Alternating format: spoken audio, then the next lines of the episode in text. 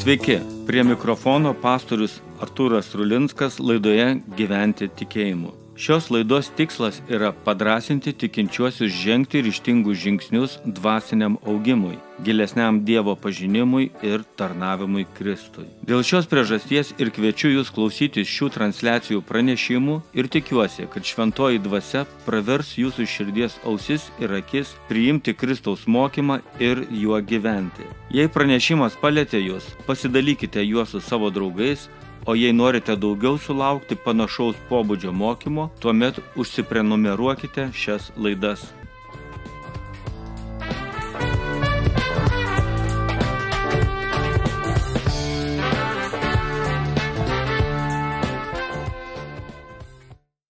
Skaitau 40 psalmė 17 eilutę.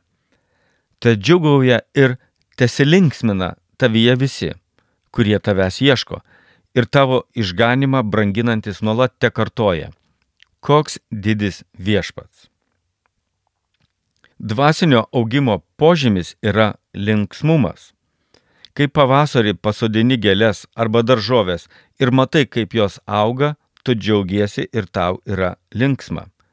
Negaliu pasakyti, ar yra linksma šiems augalams, tačiau gaudami pakankamai drėgmės ir šilumos, jie atlieka tą funkciją, kuriai ir buvo sutverti.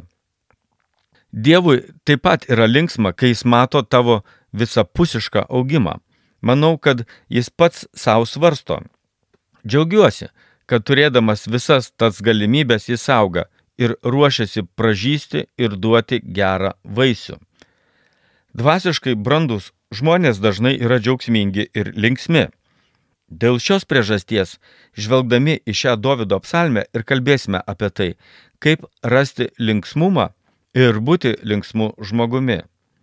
Davidas turėtų turėti daug priežasčių nebūti linksmas ir labiau susirūpinęs, sunerimęs, apkartęs, nelaimingas. Kodėl taip sakau? Skaitant Davido istoriją, joje randama ypatingai didelių sunkumų, nelaimių ir rūpeščių išdavystės, samokslai, grasinimai, žmogžudystės, apgailėtinas šeimininis gyvenimas. Kita vertus, visus šiuos dalykus Dovydas patirtamas užsigrūdina ir sustiprėja. Yra žmonių, kurie panašius dalykus patirdami apkarstų ir nusilptų, sužvėrėtų ir taptų egocentriškais maniakais. Vis dėlto Dovydas moka džiaugtis ir yra linksmas, ir ne todėl, kad jis karalius. Daugelis žmonių nori linksmumo ir jie kliaujasi linksmumą paskatinančiomis priemonėmis. Kokios jos yra? Kai kam tai yra alkoholis ar rūkoma kokia nors žolė arba vartojamos psichiką veikiančios medžiagos. Mokytojo knygoje yra pasakyta, puota keliama pramogai, vynas daro gyvenimą linksmesnį ir pinigai viskam naudingi 10 skyrius 19 eilutė. Tačiau daugelis vien tik tai ir mato ir tik tokiu būdu stengiasi pralinksmėti. Yra žmonių, kurie linksminasi tyčiadomisi iš kitų ar ką nors žalodami. Dar kai kam linksmumas ateina kaupiant turtą arba leidžiant pinigus. Dovido linksmumas netoks. Ne per išorinės priemonės, nes jo linksmumas yra iš vidaus, kaip jis rašo psalmių knygoje. Nuolatos menu viešpatės artumą, jam esant mano dešinėje niekada nesudrebėsiu, todėl linksma mano širdis, džiugauja mano gyvastis ir ramiai ilsisi mano kūnas. 16 psalmė 8-9 eilutės. Dažnai užduodamas klausimas yra, ar gali būti žmogus linksmas, jei jis patyrė prievartą jei jis yra sužalotas, jei jis yra vienišas, jei jis yra neturtingas. Labiau atrodo, kad linksmi žmonės yra sveiki, saugus, turtingi ir turintys savo kompaniją. Ką tuomet galima pasakyti milijardams žmonių, kurie gyvena skurdžiose pasaulio vietose, kurie patyrė kažkokią nelaimę, fizinį sužalojimą. Jums džiaugsmas ir linksmumas yra neįmanomi dalykai? Kažkaip yra matyti kitokią gyvenimo pusę, kai vargšai turi daugiau džiaugsmo ir linksmumo už turtingą, ar sergantis už sveikąjį. Be abejonės, saugumas, sveikata, gerovė ir bendruomenė turi įtaką, tačiau ji nėra tokia didelė, kaip mums atrodo arba kaip mums sako. Biblijoje yra stengiamasi mums pasakyti, kad linksmas ir džiaugsmingas žmogus yra tas, kuris ieško Dievo. Apskritai, ieškantis žmogus savyje nešioja viltį, o viltis suteikia linksmumo. Kai vyksta karas, žmonės turi vilties, kad karas baigsis ir bus galima gyvenimą atstatyti. Tokia viltis pralinksmina ir praskaidrina niūrę nuotaiką. Kai esi bedarbis ir ieškai darbo, tuomet turi vilti ir tai pralinksmina. Jeigu yra taip, kad tu nieko nebeieškai, nebenori užsidirbti, nenori susirasti draugų, nedomina kelionės, nesistengi nieko išmokti, tai tavo gyvenimas yra be vilties ir niurus. Dvasiškai aukti yra ieškoti, o kaip aukščiausias visų dalykų gėris yra Dievo paieška. Gali būti, kad sakai, viską jau žinau, sekmadienį einu į bažnyčią, Bibliją skaičiau, nieko naujo neberandu ten. Gyvenimo man visą tai nepakeitė. Kuo man čia džiaugtis? Gali būti, kad suradai kažką savyje, bet ne Dievą, kuris yra už tave didesnis, nes Dievą randantis pradžiunga. Kita karaliaus Dovido mintis yra ta, kad linksmas yra tas, kuris yra saugus ir brangina Dievo darbą, išganimą. Linksmumas yra dėl saugumo. Linksmas žmogus santykiai su Dievu brangina ir saugo, ir linksmumas prasiskverbia į žmogaus vidų. Jeigu tu ilgai žiemą būsi laukia, greičiausiai sušalsi, nes išorės šaltis per drabužius, per tavo odą prasiskverbs į tavo vidų. Taip pat yra ir su karščiu, nes karštis irgi skverbėsi. Patirdamas ir vieno ir kito per daug, ieškai būdų, kaip pakeisti situaciją.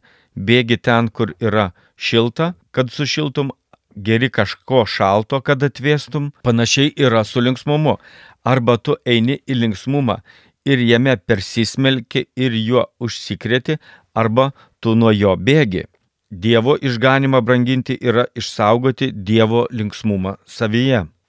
Brangindamas viešpati, esi linksmas ne vien tik todėl, kad tavo namai gražus, o mašina patogi, rūbai madingi, darbas įdomus, o laisvalaikio metu gali pramogauti.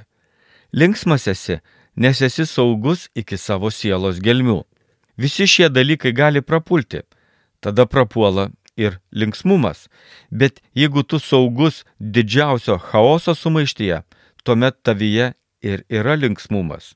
Žinoma, negali visą laiką būti linksmas, kaip ir negali visą laiką valgyti, sportuoti, miegoti, net ir nebūnant linksmam, linksmumas tavyje tūno ir jį pažadinti visiškai nesunku. Branginkime artumą su Dievu ir džiaugiamės, kad Jis mus išgelbėjo, nes tai keičia reikalus ne tik amžinybėje, bet ir čia ir dabar. Na ir galiausiai šioje eilutėje Tai yra tas linksmas, kuris garbina ir sako, koks didis viešpats. Dievo garbinimas yra viena stipriausia linksmumo priežastis ir garbinimo linksmumas Dievo žmonėms yra ir bus jų gyvenimo kulminacija. Aleliuja! Užviešpatavo mūsų viešpats Dievas, visagalis. Džiaugaukime ir linksiminkimės ir teikime jam garbę, nes prisartino avinėlio vestuvės ir jo nuotaka pasirengusi. Skaičiau apriškimo knygos 19 skyrių 6-7 eilutes. Kai kas nors kviečia tave į šventę, pakvietimo esmė yra dalyvavimas toje šventėje. Vis dėlto yra žmonių, kuriems yra labai svarbu, kaip jie atvyksta į tą šventę. Ir tas atvykimas, tie paparacijų fotoaparatų bliksniai galbūt kai kam yra svarbesnis nei pati šventė. Kai rodo įvairius apdovanojimus Holivude, tai viena iš tų svarbių akimirkų yra tas atvažiavimas limuzinu prie raudono kilimo, kuomet išeina liokajus ir garsenybei pradaro duris, o garsenybė save rodydamas iš visų pusių eina į šventės pastatą. Tiesa, viešpatė žmonės atvyksta į šventę ne su limuzinais, bet kas kaip gali, kas peščiomis, kas su dviraščiu, kas su taksi, kas su savo automobiliu, o gal net ir su liokajumi. Paparacių prie įėjimo į dangaus karalystę vargu ar bus. Gal ir stovės angelai. Tačiau raudonas kilimas išventę vis dėlto yra. Tai Kristaus pramintas takas.